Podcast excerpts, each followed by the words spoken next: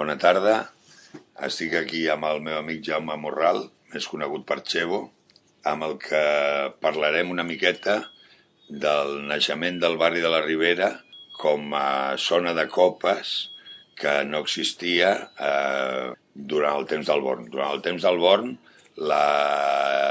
més que la nit funcionava la matinada i més que bars de copes hi havia bars de putes, perquè tot el carrer de Saunadors, el carrer del Rec, hi havia els, els, eh, els compradors del Born eh, feien l'encàrrec a les dues de la matinada i fins a les 4 no podien entrar i aquell temps l'aprofitaven per, per no perdre el temps. Llavors eh, hi havia alguns bars, eh, eh, alguns bars d'aquests de, de fotre's el, el filet antic, el, hi havia el bribon, que recordo que va haver un mort, hi havia poca cosa, hi havia, hi havia sí que és cert que hi havia bars de, bars de dia com l'Estrella de Plata o el, o el, el Xampanyet, que, que tenien un cert èxit, però eh, arrel del naixement de Celeste, que és el que marca la pauta, eh, comencen a aparèixer bars eh, de copes que mm, jo crec que la, la, la poca burgesia que queda a Barcelona l'aprofita per fer el gamberro sense que tingui incidència a la ciutat, perquè és un barri que és la zona humida, que la gent no vol anar i tal i qual.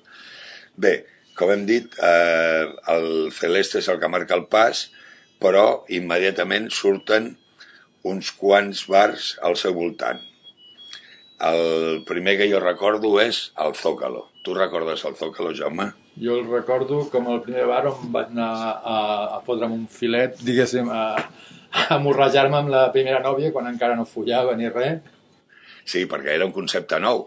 Sí, Era, era aquella sala plena de coixins on tothom estava tirat.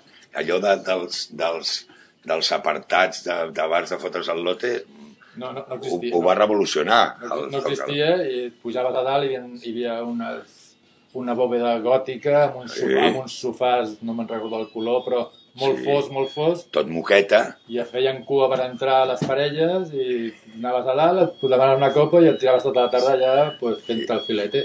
Oh, hi havia el Pepe i el, i el seu germà, que, que feien mig any cada un, més o El menys, Pepe, no? el Pepe me'n recordo. Hi havia el, el, el, el Grabulosa, el Rodaboles de, de camarer, hi havia el Flanagan, que ja està mort, pobret, que era, una, era un bisexual que li agradava tot, que li agradava tant que es va morir als 30 anys, pobre. Eh? I, i bueno, va agafar molt de, molt d'esvencida, no? Eh, immediatament després, eh, jo crec que van obrir el Berimbau, Sí. el Berimbau, que tu hi vas treballar més tard, eh? eh tenia un rotllo, mm, com ho definiries tu, el tipus de bar i la... Era com un bar on podies anar a prendre- vendre't una beguda una beguda brasilenya que feien les caipirinhas. Mm, Després jo he, vis he viscut a Brasil durant 26 anys alternament i allò, allò, allò que feien, primer, no importaven catxassa, i ho feien amb ron de canya, de, no no me'n recordo quina marca, però amb ron de canya, no me'n recordo quin, blanc. El suc de llimona no era matxacat, eh, tenia un exprimidor d'alumini que es feien, i allà vaig treballar doncs, amb el No llimes, no utilitzaven No, llimes, no, llimes. utilitzaven Feien llimona. llimona i amb un bueno. d'aquests de, de braç que Sí, sí, s'aixafava sí. i quan entraves pues, et dedicaves a fer el suc de llimona, es, es posava amb ampolles de amb ampolles de lima rosés i es guardava a la nevera per després fer la barreja. Ah, L'amo feia tots els còctels, les batides de coco i tots els còctels que no eren caipirinha, les feia tancada, tancat amb un quarto amb clau on, on ningú podia entrar i guardava sus recetes secretes. el Celso, El era. Celso. Ho segueixen fent. Ara estan obres, ara estan obres, eh? I el, ell ho va, el va llogar i després traspassar a una altra família. Segueixen fent les fórmules amagades de tothom, és molt curiós, eh? Sí, I segueixen fent marranades per un tubo, eh? Els daiquiris estan prepreparats, tot. És una... Bueno, ara tornaran a obrir, ara estan tancats, però... No, no, a, a l'època a l'època va tindre molta benzida perquè tenia això, després van obrir un que es deia Opinao. A... Clar, va guanyar a- tants a- diners que va obrir a l'Opinau. No, l'Opinao no era d'ell. L'Opinao Ah, era, no? era un altre que estava a Ciutat de Balaguer, al costat Sí. de Santaló, Sí. no, i no era d'ell. Ell va obrir un altre que es deia Macumba, que estava al carrer 2 de maig. Més Ara, tard. 2 de maig, Macumba, que és el que jo coneixia. Sí, sí, aquell es va muntar Però el va, dòlar. va triomfar tant el Berimbau que de Molt. seguida algú el va copiar i va muntar una a la zona alta fent el mateix. Molt, molt, molt. Perquè Barcelona ja tenia una certa tradició amb el Cajala, de, de, de còctels. També hi havia anat, també hi havia sí, anat. home, i tant, allà de, de jovenets i a la Gran Via hi havia un altre, que no me'n recordo com es diu, al Sí, costat de la El plaça Cajala no Universitat. estava a la Diagonal? Del Cajal a la Diagonal, però hi havia un altre a Gran Via, Encara hi és aquest Que encara hi la és. Que és el, eh, a sota de l'Alpe, bueno, allà al costat Sí, del Pirineu, jo havia estudiat a l'Alpe, jo també. Tu havies a l'Alpe? abans que tu, sí. Sí, hi havia uns billars a baix, Sí, estaven aquest- plens de aquest també hi manguis, havia anat- aquest plens també hi de tenia. Era era, també conec, era, era ja. brutal allò. Bé, llavors el, el, eh, realment té molta, molt d'èxit. Um, llavors um, hi havia un altre de sòrdid, perquè no es pot fer d'una altra manera, muntat per un comunista que pretenia que la gent eh, se servís les copes i les pagués, eh, perquè era totalment idealista, que es deia l'Octubre, que era una cova que, bueno, que, que després aquell tio va durar un any només, no? I després va aguantar eh, 15 o 20 anys el, el, eh, allà als carrers de darrere de Santa Maria del Mar, no? Eh, I després va obrir la Lola, que la Lola era una dona famosa perquè havia sigut nòvia del Sisa i perquè no estava més bona, perquè no s'entrenava, Estupenda. i, i llavors eh, i allà va ser on, on va néixer el concepte gent del barri. Recordes, Xevo, que, que la gent per posar-se a punts és que jo sóc del barri, eh? Ho recordes, eh? Jo que no he sigut mai d'aquell barri, però hi he anat sempre, Eres del barri. em feia molta gràcia, no? em consideraven, és diferent, no? Um, llavors, aquesta primera fornada s'acaba amb el nus. El nus, que recordo perfectament que l'obren al novembre del 75, abans que es morís el Franco. I allà hi ha el gelong, i la seva dona, que cuinava de pel·lícula, que em fotia un fricandó amb arròs blanc, i allà, i, i que la pobra dona es va morir molt jove. I llavors va entrar a treballar a l'Antonio Ferrer, el que després va muntar l'Odissea, Sí, sí, sí. que encara me'n recordo del, del camembert rebossat que feia allà, eh, que era per sopar els fills. Després el gelong ja, en fi, el nus eh, de gènere, me'n recordo del, del camarer aquell del Celso i del, de Lluís Junyent, que també està mort, també, que és gent molt simpàtica. Llavors, eh, la gent de l'Eixample i de la part alta de Barcelona, uns quants, eh, baixàvem allà, compràvem xocolata, anàvem a restaurants antics com el de l'Aquilino, anàvem al, al, al Pitín, per exemple, anàvem a l'Estrella de Plata, i anàvem durant el dia, això, eh? I a alguns llocs a sopar. Al, al Xampanyet, que, que de seguida va agafar molta esbrancida, aquella família. I el Pep, quan estava al carrer Bullés... Llavors, no, el, no, el Pep no estava al carrer. Ullars, no, no, no, no, ara parlarem. El Pep ja és després de, a la segona fornada. Tenim, eh, bueno, m'agradaria parlar amb tu, de, tu eres molt petit, però la teva família tenia un bar que era molt important al món del Born perquè estava just al costat, al Pitín. M'agradaria preguntar-te um, com era la com era el reciclatge que es va fer, perquè sempre va ser durant molts anys, ara ja no, va ser un lloc de menjars, portat pel, pel teu pare i la teva mare, bàsicament. Quins records tens tu de la teva infància allà, a part d'anar a dinar cada dia? No, en realitat, quan, quan hi havia el bar, el bar, de, el bar dels meus pares, el bar Pitín, no feien menjars. El que feien era entrepans i servien... I servien eh, hi havia, era un bar molt petit, però darrere la barra ja me'n recordo que hi havia com 5 o 6 persones que, no, que no, es, no es movia ningú del seu lloc. El de la cafetera, el senyor Saquiel, era el de la cafetera, que era el que m'ha ensenyat tota la vida a secar, ressecar, a fer cafès, tot, a cuidar una cafetera. Hi havia el Paco, que, que servia a... Hi havia dos nois que servien fora amb bandejes que anaven a les parades del Born a portar els cafengets a les parades.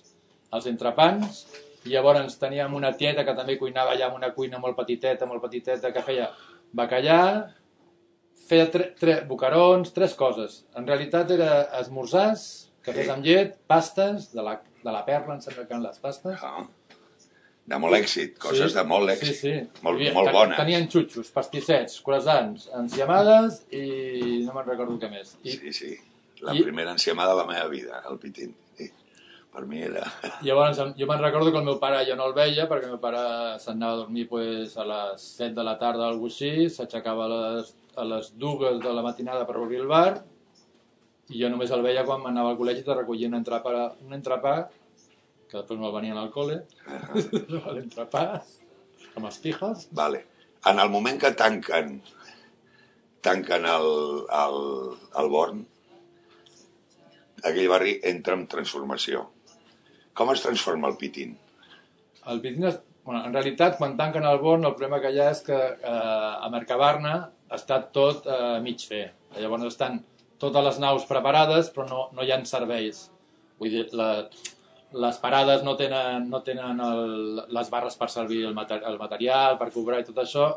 Eh, Llavors es posen d'acord, es reuneixen tots els bars que serveixen al Born, perdó, i el que decideixen és anar a cobrir el, el servei que fa falta a Mercabarna, com que tenen que tancar perquè no hi ha cap moviment en el Born, tothom tanca i mentre no surten les subhastes per subhastar els bars que no estan construïts ni res a Mercabarna, els que tenen bars al, al voltant del Born, que en serveix sempre al Born, es reparteixen les diferents naus de, de, de Mercabarna, de, les de fruites, les de peix, de tal, i, i el, el Pitín en aquell moment es tanca. El meu pare, per cobrir eh, l'expedient, compra un bar al Mercat de Santa Catalina per Ah. cobrir, mentre, mentre van anar a treballar també a, a Mercabarna. A Mercabarna, eh? Ah, Llavors, en el barri es comença a instal·lar eh, camioners.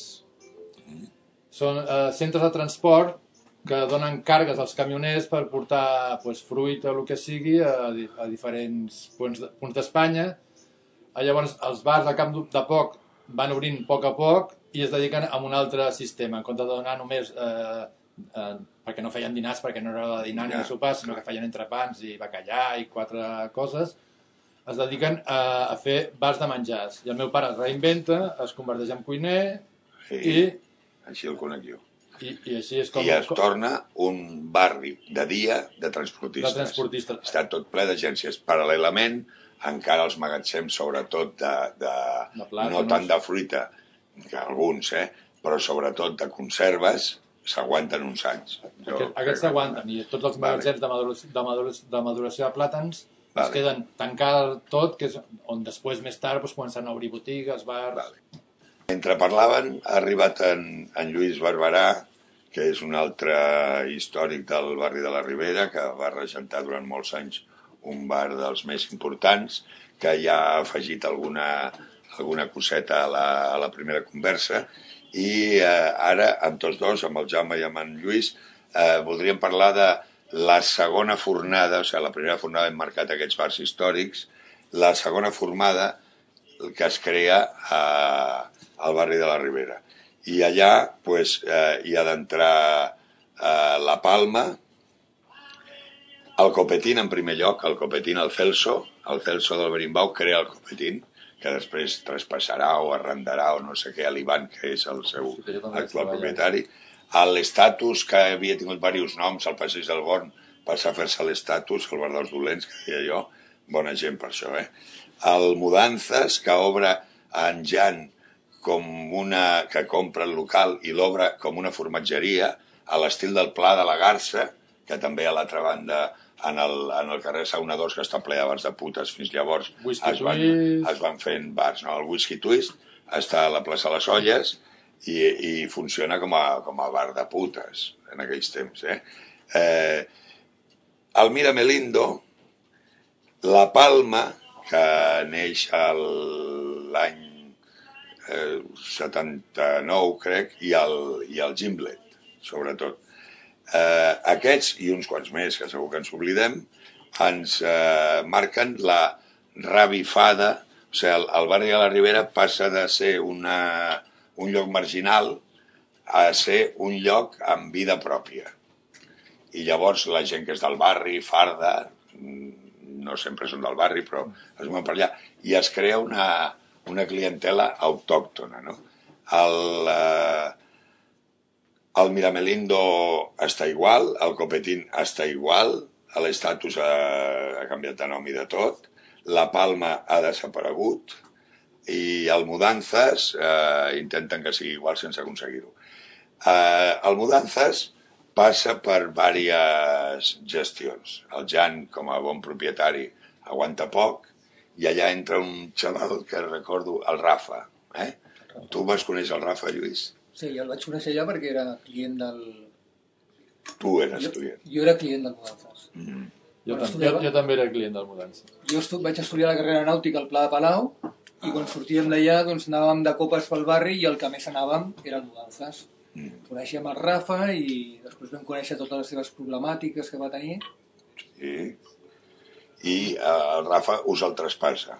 i al final, per una cosa que és a la vida, pues, ens el traspassa amb un soci a mi, Ah. amb el Víctor, que sí. I no hi havia un tercer, perdona, I al principi, el primer any va haver-hi un tercer, mm. que no l'he conegut mai. l'Àlex, Ah però que no va poder aguantar la pressió. Va veure que allò no era per ell. Sí, era per ell, però el, el portava per mals camins. Per, per, clar, Per massa mals clar, camins. És que la nit, la noche confunde. I la carn és débil. la I carne ell tampoc valia... Tampoc... Tu no el vas conèixer? No, Tu el vas conèixer? jo sempre vaig sentir parlar d'ell i no el vaig conèixer mai. A lo millor el vaig veure algun Jo dia. també igual... igual... Ell realment no, no valia per estar darrere una barra. O sigui, no aguantava la gent. Eh... Bueno, era també d'un altre, d'un altre nivell social, Sí, sí, una mica més així, i no, tot allò li el superava, saps? I sempre, sempre estava mala llet i, No compensava. i al, final, al cap d'un any i mig, una cosa així, va, va dir que, va, que marxava i va marxar. Bé, vosaltres sou els que poseu en òrbita el Mudances. El Perquè- jo, sí. A l'època del Rafa treballava com tots el cap de setmana, però a diari eh, molt poc. El Rafa tampoc en sabia massa i es pensava que en sabia molt, que era el, el seu tarannà. Al Jan no li interessava perquè era propietari, cobrava el lloguer i ja li anava bé. I vosaltres creeu una atmosfera, diguem-ne, dintre del Born, de, encara no parlem del Born, del barri de la Ribera, diferent, molt basada amb la nàutica i amb els que érem clients de, del barri. Els que éreu clients i després... No, no, no. És totalment així, però eh, per casualitats i perquè nosaltres coneixíem, alguns de nosaltres coneixíem algú de publicitat, que treballava a publicitat i que tal, doncs es va fer aquesta, aquesta mescla entre gent de nàutica i gent de bàsicament de publicitat i... Sí, és que és ben cert que el barri de la Ribera comença a ser, sobretot a partir del naixement del Gimlet, comença a ser un barri eh, freqüentat per les professions liberals. No només per la publicitat. Teatre, que també- cine... No, no, i disseny i arquitectura, sobretot, eh? Ah. Disseny, el Peret, el Mariscal, el... Eh, bueno, el Mariscal ja, ja es, vivia allà i s'ho recorria tot, no? Però, però es fa, al, mig de les professions liberals es fa un lloc, mentre que la, la, els, els pijos o el benestants català de Barcelona eh, ens fan de menys, diguem-ne, i venen de tant en quant. Ara, sempre s'ha dit el mateix, hi ha gent que no baixa de la Diagonal, però quan passava alguna important baixaven. Eh? I al Celeste, que hi ha molts perquè sabien que pillaven, Eh. vale? I, i que està clar. Recordo que hi havia personatges pel barri com el Coix, que et venia el, mante el cojo mantega, que et venia la xocolata que estava a la pilona de Santa Maria al Mar col·locada, el, el, alguns malalts mentals que ens feien molta gràcia, com el, un que anava tot el dia dient pe, pe, pe, pe, pe, pe, pe, pe. El Que- Manolo, que, El- el, el- el, primer indigent de, del Passeig del Born, era el Manolo. El Manolos. Sí, i també surten els trencabars. El Paz, el Sambita... L'Emilio, el, sí, el, Sam- el Samba, el Sambita, ja, amb aquests van tindre... Sí, tu vas tenir un, Sí, sí. un contenciós important, sí. Sí, sí, però, però bueno, que, que t'arribaven a un bar, el Gimlet el van destrossar, eh? A la Palma arribaven, posaven la pistola sobre la barra i ponme lo que quieras. Ponme lo que te dé la gana i te pagarà el maestro armero, no? Sí, sí, eren anys en què la delinqüència funcionava d'una altra manera, eh? Era ben curiós. El cas és que amb aquests bars i uns quants més, eh, eh, el barri de la Ribera agafa una esbrancida tal que és comparat una mica amb el barri de Gràcia. De fet, el barri de Gràcia i el barri de la Ribera es tornen vasos comunicants, és a dir, hi ha gent que va durant unes temporades a un barri i gent que va a un altre, gent de fora, eh? gent de l'Eixample, gent de Sants, gent de Sant Gervasi, eh, gent de Sarrià, vale? I, eh, però aquesta, el, el barri de la Ribera, eh, té, té aquesta característica. Eh, el Mudances, llavors l'agafeu tu i un soci, li doneu un ambient més eh, liberal, per dir d'alguna manera, eh, més de, de servei i molt, molt obert, el recordo jo, no?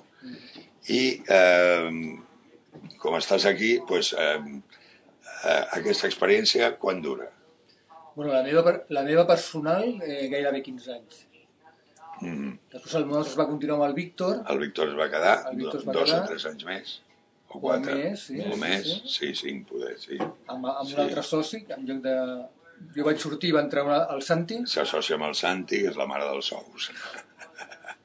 sí, i al final s'ho queda el Santi i al final s'ho queda el Santi i el buida. i, el- i l'acaba de... I el buida, el buida, el buida, perquè eh, recordo que durant la vostra època aquí se li va ocórrer la idea que no funcionava mai a Barcelona, d'obrir-lo de dia, A mi,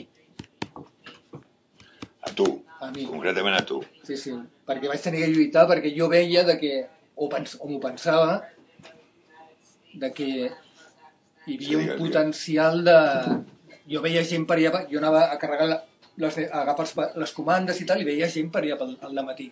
I jo, doncs amb el, meu, amb el Víctor, deia, hòstia, hem d'obrir, hem de, podem, per què no obrim pel matí? No, perquè no ho intentem. Sí. I bueno, amb ell li va ser una, ell era una mica reaci, li agradava molt la nit, ell, era molt de... Però al final vaig aconseguir Convèncer. convèncer-lo, posar una agafatera, obrir, i, bueno, pues, en seguida va anar a començar a agafar empenta i va anar força bé.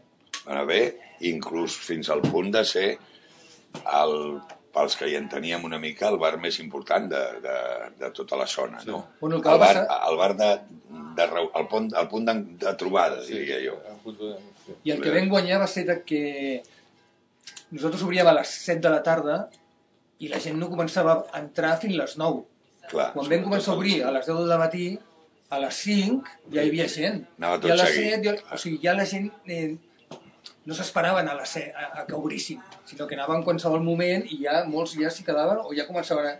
No, no hi havia problemes, amb, no hi havia canvi de preu d'una hora a una altra. I donava problemes, això?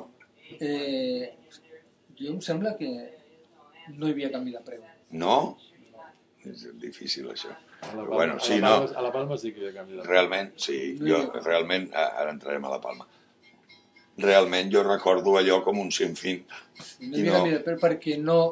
Realment el que veníem al, als cafès eh, i la, la, el que veníem de dia no era el mateix que de nit i Sí. Molta cervesa i molt cafè, molta cervesa, molta cafè. bàsicament. Clar, no veníeu copes i tal i qual. Veníeu bocates, no? Bocates, fèiem bocates mig en secret, però fèiem. Molt bé. Bé, el que de tota manera agafa molta esbrancida eh, a l'època del Mudanzas també és la Palma. La Palma és un bar que es deia Contiki, que era dels farmacèutics de la cantonada, que, eh, com es diuen? Els salses. Els salses. Que es deia Contiki i que eh, hi ha un arquitecte que va ser important al barri, que es diu Jordi Romeu, que és el- el- l'especialista en Puig i Cadafalc que hi ha a tot Catalunya, que li feia il·lusió fer una barra que fos de marbre la més maca de Barcelona. I eh, ell, el, el Contiki era un bar preciós, antic, però d'aquestes coses que no passen mai de moda, perquè fins que va tancar no van canviar mai. Vale? I llavors ell fa una barra preciosa allà, i, però a ell no li interessa la gestió. També fa un altre bar eh, al del carrer de les Trompetes, que és dels més deliciosos que he vist a la meva vida moderna, el Brut El brut. el brut, eh? Vale? Llavors, el, el, eh, la no era Palma... bar, era cocteleria.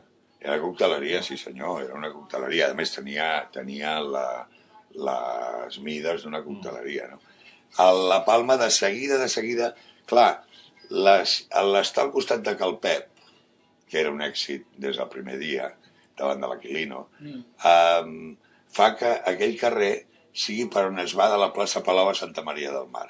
Cosa que anys després va passar a ser el carrer Vidreria, quan el Pep es va canviar i va agafar el, el whisky twist i, i es va posar a la plaça Les Olles. Doncs el carrer Vidreria, que era on estava el Mudanzas, va ser de pas. Llavors, a la Palma, a part d'una simpatia eh, extrema, recordo molt bé la, la, la Teresa, i el Gertz, l'alcohòlic, i el Klaus, que eren alcohòlics, eh, total. I amb una melena que els arribava Oh, fins al hippie, alemans, hippie, i un alemany i el Klaus era... Alemany també, també, sí, sí. eh, alemans, eh?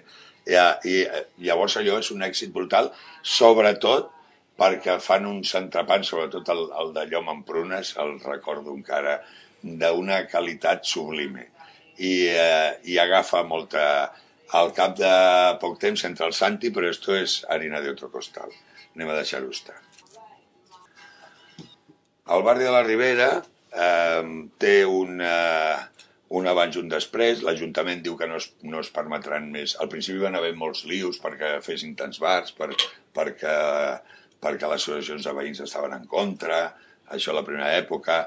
Eh, quan el Celeste eh, s'enfonsa i entra en obres, eh, apareix la seca, eh, al, al carrer Flassaders, les, les, les caigudes d'aigua i de són històriques perquè, perquè s'ajuntava molta gent eh, i el barri de la Ribera comença a ser tendència, diguem-ne. Eh? A més, la, els professionals ja comencen a veure que no se n'enfiaven perquè com que hi havia tantes queixes dels veïns i de, amb l'Ajuntament i, el, i els comunistes, el PSUC, que llavors estava, i eh, veuen que poden agafar llicències sense tants problemes, no? eh, comença a créixer i créixer. Però hi ha un moment en el que les coses, diguem-ne, es desboquen, que és amb l'arribada dels guiris. L'arribada dels guiris que situa a finals dels anys 90, eh, eh, clar, la, jo me'n recordo quan parlava amb els comunistes que, que els deia, però eh, qui ets tu per negar les idees dels jueus que diuen que les coses per funcionar tenen que estar juntes? I que vas a un barri de, de Nova York de joieries i tots són joieries. I amb un de taller mecànics i tots són tallers mecànics. I amb un de, de tèxtil i tot és tèxtil. Això pues és normal. Si, si hi ha un bar al costat de l'altre la gent va a aquella zona vale? El, el Born que, que ha, estat, ha tingut una caiguda a finals dels 80 a, i principis dels 90, sobretot important, revifa. Revifa i es torna a posar de moda, fan obres, eh, remodelen el Born fracassant, com van haver dos fracassos o tres, dos o tres fracassos. Eh? Eh, es crea la, la plaça aquella on està el Pitín, Sí. que, que de seguida és un formiguer, i eh, neixen, no els citarem, eh, bars i bars i bars. S'ha de dir que el Celeste eh, ja ha marxat d'allà, el Celeste després de caure el remodelen, fan com semblar una clínica allò, i després eh, a l'any 87 se'n van al Poble Nou. I el Celeste, Paños i Novedades, passa a ser un desigual, Sí. que és el que és ara. Sí. Eh? Sí. Llavors, hi ha una cosa que jo considero molt important, m'agradaria que m'expliqués tu, això estem a l'any 99-2000. A l'any 2000, eh, la portada del New York Times, eh, assessorada per el Ferran Adrià, eh, col·loca el Born com el, com el, el barri més fashion de Barcelona. Recordeu això? Tu, Lluís. Bueno, jo recordo ja, jo a l'any 2000 vaig deixar el Mudanzas, però, però sí, bueno, fashion sí, anava tot, la gent d'aquí i, va, i va començar a venir molts estrangers que es van començar a instal·lar al barri, que van començar a comprar o a, o a instal·lar-se en el barri en els pisos de per allà, eh, creant una mica d'aquesta bombolla que després pues, ha, tret, ha tret a molta gent del barri Uh -huh. i es van fer remodelacions de, de, de molts, moltes remodelacions de- d'edificis que van acabar sent apartaments o pisos que, o sigui, que res a veure amb el que hi havia abans. I sí, es pot dir que, de que era un barri fashion Sí, i uh, hi ha molts bars que no, no en aquell temps, sinó potser uns quants anys abans, eh, neixen, eh, com el, el Fusina, el, el, que quan era un, uh, un bar d'art, el metrònom que s'havia posat abans, com a sala d'art, el Reborn, per exemple, eh, hi ha restaurants com el Raïm, que agafen molta, Ah, sí. molta esbrancida, eh, també hi ha... el del el, el Tibierre del, del, de la Moradia el, com es diu? El, del Pep, el del Josep, no, no, Darrere de... davant, del, davant de la Bullers, al carrer Bullers, no, la, No. al, Carrer Ullers, el, el, el, ja fa anys que munta el cocinet del Pep, munta la no, Ullers. però l'altre, el, La Pepita es manté com una sí, cosa... però davant de la Pepita. Ah, el, el dels negres. El, Sí, el, no, les negres, el bueno, d'abans, el el d'abans. Joan de la Clau. El Joan de la Clau. El Joan de la Clau. El Joan de la Clau, ui, ui, ui. Joan de Clau. Aquell, aquell recordo que anàvem allà a dinar i anava borratxo, no havia dormit en tota la nit i ens engegava a prendre pel cul. I per això vam començar a anar a la Pepita, que estava davant, perquè com que no ens volia donar de jalai, perquè era un bar de, de periodistes, bàsicament, i bohemis. Sí, sí, la Clau, per exemple, no? De, de, neixen molts de nous, eh? Molts, molts, molts. Eh, més endavant, molt més endavant el Pisa Morena, però sobretot, sobretot, el que es produeix una massificació. Eh, els traspassos comencen a ser molt cars. Hi ha, hi ha un bar que ens hem oblidat a la primera etapa, que és el Born, que canvia dos o tres vegades de, de nom, i al final és com, la, com ara la, la delegació de Buenos Aires a Barcelona, diguem-ne, no? Eh, a l'estèreo, bueno, en fi, eh, les coses es- mm, s'aixequen d'una manera brutal i comencen a sortir alguns bars, bars importants com el Barroc. El Barroc es deia el Colmado del Zócalo. El Zócalo s'ha transformat en el Gades i s'ha fet restaurant. Han, li han deixat de fer el bar de filets i allò sembla una catedral, perquè allò que tu deies a Bovedat sí. ara està tot a la vista, no? Uh, llavors el Pepe agafa un localillo allà que es diu el Colmado del Zócalo, que com que no sap gestionar, perquè uh, quan un bar triomfa és molt fàcil portar-lo, però quan, quan has de posar la teva part és més complicat, i llavors allò ho agafa un, un, un empleat de correus i fa el barroc. I el barroc també agafa tots els anys bons, sobretot els, els 2000 fins a la crisi del 2008. Vale? Llavors, eh, eh, jo crec que en podríem parlar de molt més. Mm, ens hem saltat el, el, el màgic, El màgic. que el màgic és de l'època poc després del Celeste, on eh, també es fa música en viu durant anys, i aquest es, es, eh, als anys 90 es recicla en un bar de rock and roll. I és on van els, una discoteca més que un bar. una, per un bar, perdó, una discoteca de rock and roll. Sí, perquè allà els músics actuaven i no, els hi pagaven el que ells feien de, de taquilla. O sigui, la gent pagava i allò es cobrava els músics. I la gent prenia copes i això era per la discoteca. I a partir de la una de la matinada, pues allò eh, es tornava una... i veies les típiques ninetes amb els, amb els del tupé, amb els rockers i els rockeros i tal. De, Bueno, una, bar, una barreja ja de rock, de rock and roll, de Sí. rockabilly, de... Rock and roll, rockabilly, però rock, eh? I, i encara es manté, no sé si es manté així ara. No ho sé, jo fa No sé. molt temps que no hi vaig. Conec a l'amo, que el vaig conèixer a Mallorca abans de que agafés el màgic. Sí. No Quin, el Javi? O l'altre? Un altre que té No, l'altre, sé com es diu, però no me'n recordo, sí. Amable, Sí, no? eren dos, eren dos, sí. L'amable, sí. No, no diu amable, no. No, amable Qui és no. l'amable? No, a l'amable és un disjockey, no. Bueno, per aquell temps la, el barri de transportistes s'ha acabat, s'ajunten tots a, a la Dama del Paraigua, que, i, i, i molts bars, entre ells el Pitín, eh? molts bars de, dels que es dedicaven a donar menjar es transformen en bars de copes o gairebé, o copes i picoteo, no? el pitín entre ells. No? Ja es moren, es queden tots a dama del paraigua, que ara ja s'ha esborrat. El barri agafa una esbrancida important, però funcionar, funcionar, funcionar, funcionar el passeig del Born, el Mudanzas i, i la, la Palma ja no, la Palma ja, ja per combat, tot i que la Palma eh, es torna un bar impressionant per la, per la quantitat de licors que tenen, eh, 400 whiskies, Whiskies, Jerez, eh. hi ha una època de Jerezes, hi ha una època de whiskies, hi ha una època... Una cosa que sí que estic a dir, que sí, tu has descuidat, és que a l'època del Celeste, quan s'obre la Palma, quan comencen a obrir tots aquests bars i tal, a Barcelona, on hi ha la millor qualitat... El que trobes en els bars de, del Born no ho trobes a cap bar de Barcelona.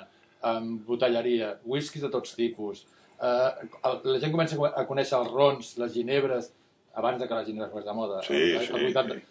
Els Oportos, a la Palma, que estava tot ple de Sí, portos. Portos i Jerezes. Però, però que actuen, venien als, als, bar, als bars i les discoteques, al Celeste, bueno, el, el, el que era el camarer, un matxaca d'allà, està donant classes de... El de- Juanito. De, del Juanito, d'hostaleria. Dir, jo vaig aprendre més d'alcohols en aquella època i no, no anava, a bars de Barcelona ni al bikini ni, ni al... Res. que tinguessin tanta varietat i tanta qualitat d'alcohols. I això, això el Born ho va saber fer tots els bars del Born. Sí, sí, es fa molt bé perquè és una conseqüència de que els professionals liberals arribin allà com a clients, perquè són gent habitualment amb bon gust que diuen, oye, ¿por qué no me traes este whisky? ¿Por qué no portes aquesta cosa? Però la Palma és que és el que s'endú la, la situació. Sí, però quan anaves al Mudança i tenies eh, 20 vodkas o, Sí, sí, i, vam tenir i- i- 70 rons i, i, i perquè- rons de tot tipus. En, el Víctor i jo, clar, navegàvem i Clar. portàvem de tot arreu on anàvem, buscàvem i portàvem rons que, que clar, no existien en I a lloc més. qualsevol puesto trobaves aiguardet de pera, de pruna Sí, vieja... pera Ara vas a buscar... Ara te'n vas al, al set portes, demanes un pera Williams i et diuen que, que, que és esto. Què és esto? Sí, sí, sí, sí, sí. És així. I per rematar la situació, eh, neixen uns quants restaurants de qualitat. Eh, ve el- l'estrella Michelin, el, el, el, L'Àbac. Comerç 24, A l'Àbac. Eh, bueno, hi ha no, restaurants, n'hi havia el, molts. el primer eh? que va vindre va ser el Ferrer, amb Casa Isidro. A A Casa Isidro, el- el Antonio Ferrer, El Talatiel. a, abans de l'Odissea. Sí. Sí, sí, allà la, Aquest va, aquest va ser el el primer. Carreró, Antic, allò, de, antic de Sant Joan, antic de Sant Joan, exacte, un èxit brutal. Aquest va ser el primer. aquest va ser el primer. Sí, però després venen el Santa Maria, el Comerç 24, l'Estrella de Plata recicla Sí, sí, sí. i es fa no Estrella Michelin, però gairebé. Bueno, va menjar Eh. el Ferran Díaz està allà tots els dies. A Sí, estava allà, clar, perquè era, era com... Bueno, perquè el Dida que havia estudiat amb ell, també el, el Joaquim Vila crea la viniteca i és, eh, vull dir, Sí, important a tota Espanya, el tio amb més referències de vida a Espanya, és a dir, el barri de la Ribera La història del Vila un dia la tens que explicar també. És un de com- barri. De, com, com- de com va començar i com va Sí, arribar la- a l'emporio que té. La vaig veure, la vaig veure, la vaig, el vaig veure créixer, el tractarem un dia. Total, que es fa un barri de referència. I eh, tot això que hem parlat ara, per acabar, el barri de la Ribera eh, es dilueix. I tothom parla del Born. I això és la influència estrangera, sens dubte. I a l'article aquell de, del New York Times. Eh? Perquè ara tothom, tot és el Born. Al carrer Sauna 2 és el Born, a Santa Caterina és el Born, eh, i és el barri de la Ribera, però però tot és el Born, i el Born és del que es parla ara, i els guiris coneixen el Born i la gent també.